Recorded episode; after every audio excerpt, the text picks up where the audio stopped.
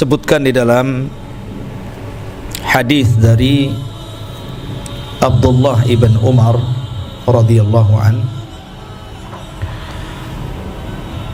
Qala dia mengatakan Aqbala alaina Rasulullah sallallahu alaihi wasallam. Faqal Suatu ketika Nabi sallallahu alaihi wasallam menjumpai para sahabat Nabi sallallahu alaihi wasallam kemudian mengatakan ya ma'syaral muhajirin. Wahai orang-orang muhajirin khamsun idza tulitum bihinna wa a'udzu billahi an tudrikuhun. Lima perkara. Kalau menimpa kalian maka saya berlindung kepada Allah Subhanahu wa taala di mana lima perkara itu menimpa kalian. Di sini Nabi sallallahu alaihi wasallam menjelaskan kepada orang-orang muhajirin bahawa ada lima perkara yang kalau menimpa kalian aku berlindung dari lima perkara itu.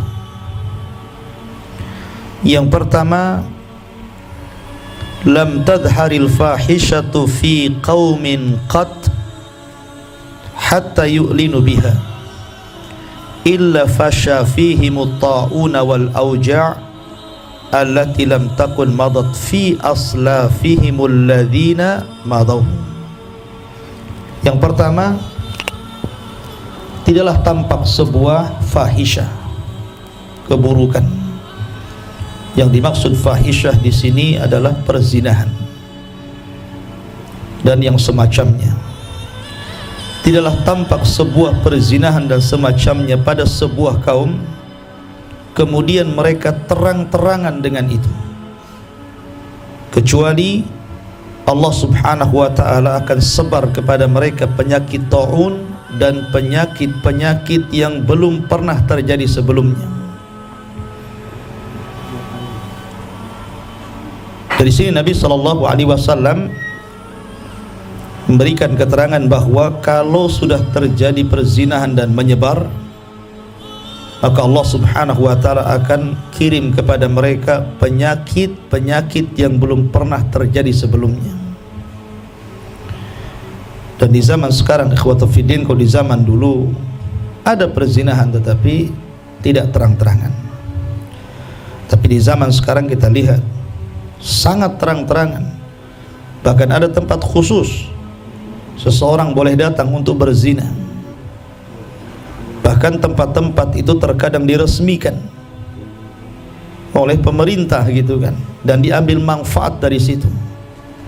Padahal Nabi SAW mengatakan tidaklah tersebar perzinahan di sebuah kaum dan mereka terang-terangan dengan itu kecuali akan disebar kepada mereka penyakit yang belum pernah terjadi sebelumnya Kemudian yang kedua, walam yang kusul mikyal wal mizan illa akhadu bis sinin wa shiddatil maunati wa jawri sultani alaihim.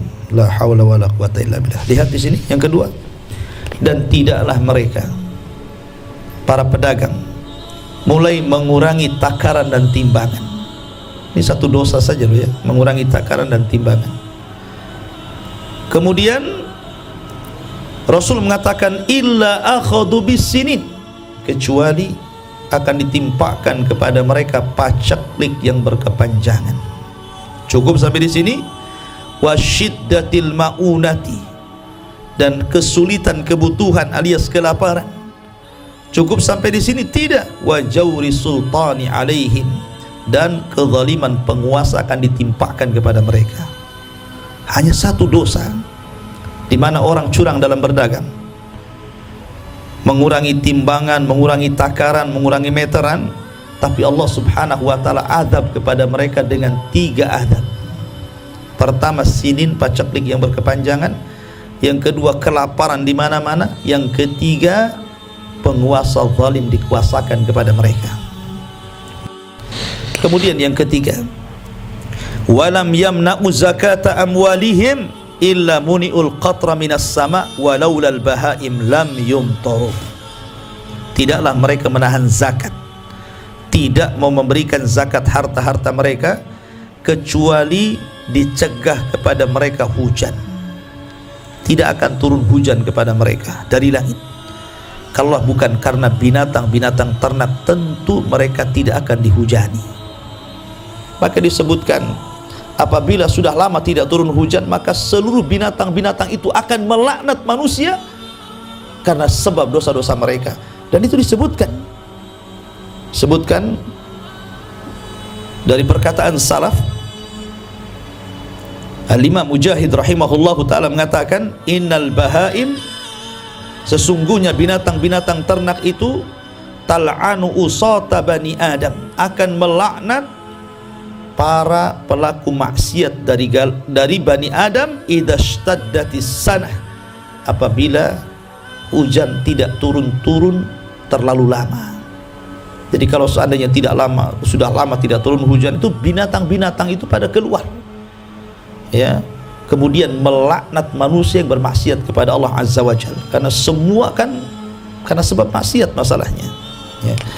Masyurul muslimin yang dimuliakan Allah Azza wa Jalla. Kemudian yang keempat walam yang kudu ahdallah wa ahda rasulih illa sallatallahu alaihim aduwa min ghairihim fa akhadu ba'da ma fi aidihim kalaulah mereka mulai membatalkan perjanjian-perjanjian Allah dan Rasulnya kecuali Allah kuasakan kepada mereka musuh dari selain mereka kemudian mengambil sebagian harta yang ada pada tangan-tangan kalian.